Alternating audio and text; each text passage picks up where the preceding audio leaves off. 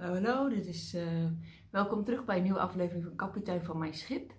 Vandaag ben ik uh, op Vlieland en ik uh, heb net een mental breakdown gehad omdat ik in een bepaald proces zit. En ik dacht, ik ga dit proces vastleggen. Ik weet nog niet of ik het ga delen laten. Maar ik denk dat het wel goed is ook voor mezelf een eigen werkingsproces om het gewoon vast te leggen. Kan ik later altijd nog beslissen wat ik ermee wil. Um, kleine achtergrondinformatie. Um, mijn ouders worden dit, jaar 70, 75 jaar en ze wilden heel graag met de eigen kinderen um, een weekendje weg. Zonder aanhang, zonder uh, kleinkinderen, gewoon met het basisgezin. Uh, nou, dat is dus dit weekend. Dat stond al enkele maanden vast. Uh, we zitten Vlieland met z'n allen. Dus ik ben hier met mijn vier broers, mijn ouders. Helaas, mijn zus uh, op Curaçao kon er niet bij zijn. Maar we nemen haar in ons hart met ons mee. Dus uh, we hopen de volgende keer dat ze er wel bij kan zijn. Maar dit is dus in ieder geval wat er een beetje op de achtergrond speelt. Dit weekend stond al enkele maanden vast. Um, ik denk dat een maand geleden mijn jongste dochter zei: Nou, ik ben eruit wanneer mijn verhuisdatum gaat zijn. Het begon ze eigenlijk pas mee na haar examens. Nadat ze was geslaagd voor de HAVO-examen, begon ze er pas over na te denken: van goh, ik heb al een kamer vanaf half maart in Groningen, want ik ga studeren in Groningen. Wanneer wil ik nou eigenlijk echt gaan verhuizen? En toen kwam ze met de mededeling: Ik ga verhuizen op zaterdag 1 juli. Ja, nou, dan ga ik al. 1 juli was dus het weekend dat ik dus hier op Vlieland zit. En ik wist dat dat, ja, dat stond al zo lang vast, dat, dat kon ik niet meer verschoven worden.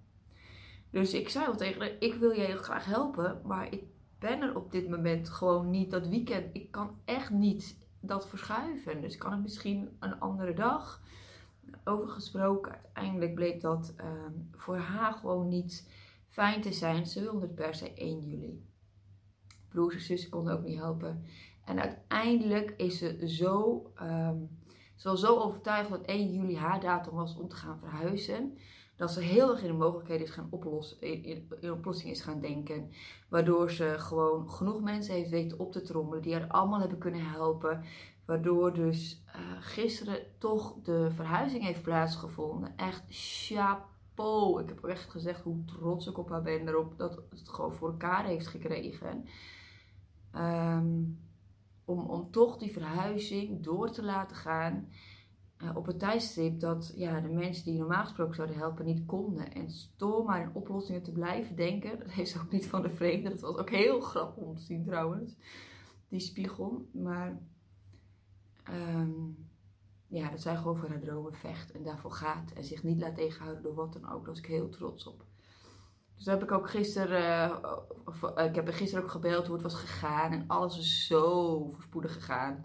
Ik weet, ik heb de hele week heb ik haar geholpen hoor. Als ik even tijd had om te helpen de kast uit, uh, uit elkaar te halen en de bed uit elkaar te halen. Dus ik heb de hele week, uh, naar aanloop van haar verhuizing, heb ik haar elke dag wel geholpen met dingetjes voor te bereiden voor haar verhuizing. Dus toen ik vrijdag vertrok naar de boot voor Vlieland, was alles al in de woonkamer. Dus alles was al verzameld door het hele huis. Alles stond klaar om te verhuizen de volgende dag. Dus ik heb er wel zo goed mogelijk geholpen.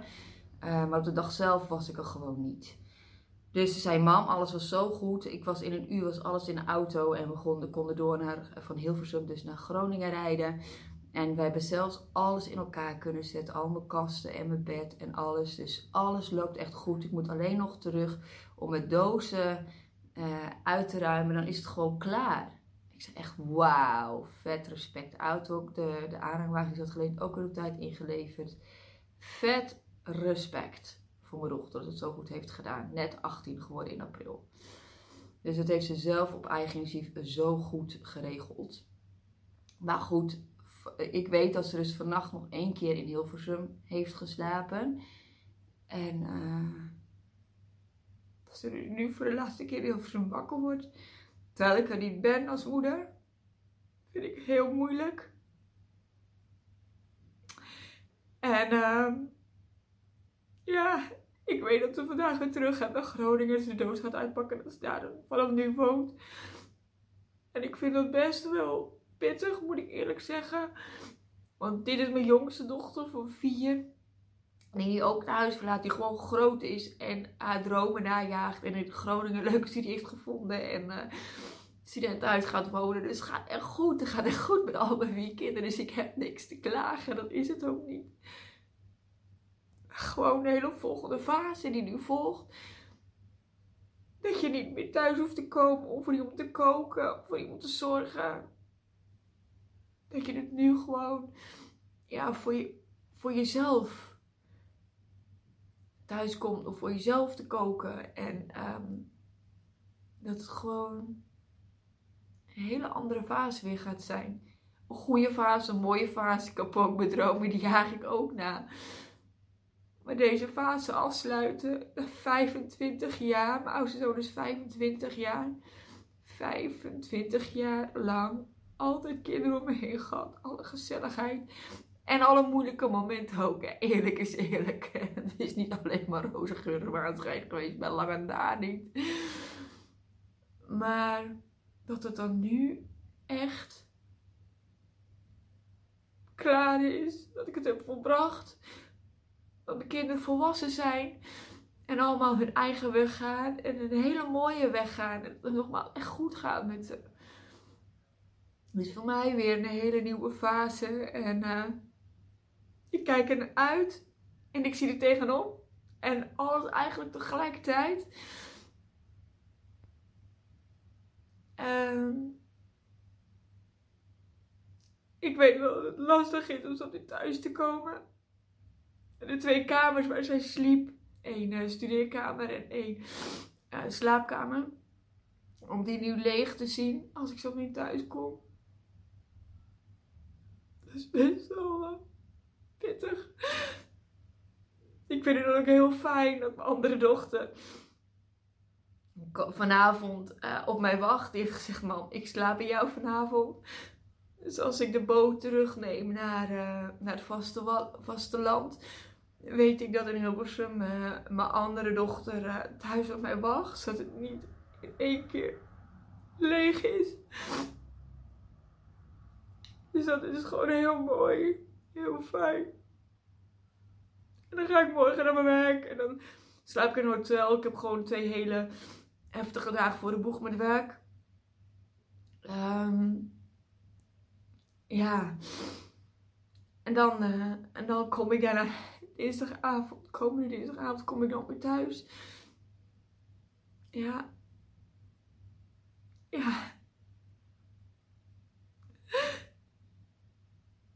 Weet van al die andere kinderen ook dat ik dat echt best wel lastig vind. En dat ik ook echt uh, heel veel moet huilen dan. Dat het gewoon echt een verwekkingsproces is. Dat er weer een kind volwassen is. En dat het weer klaar is.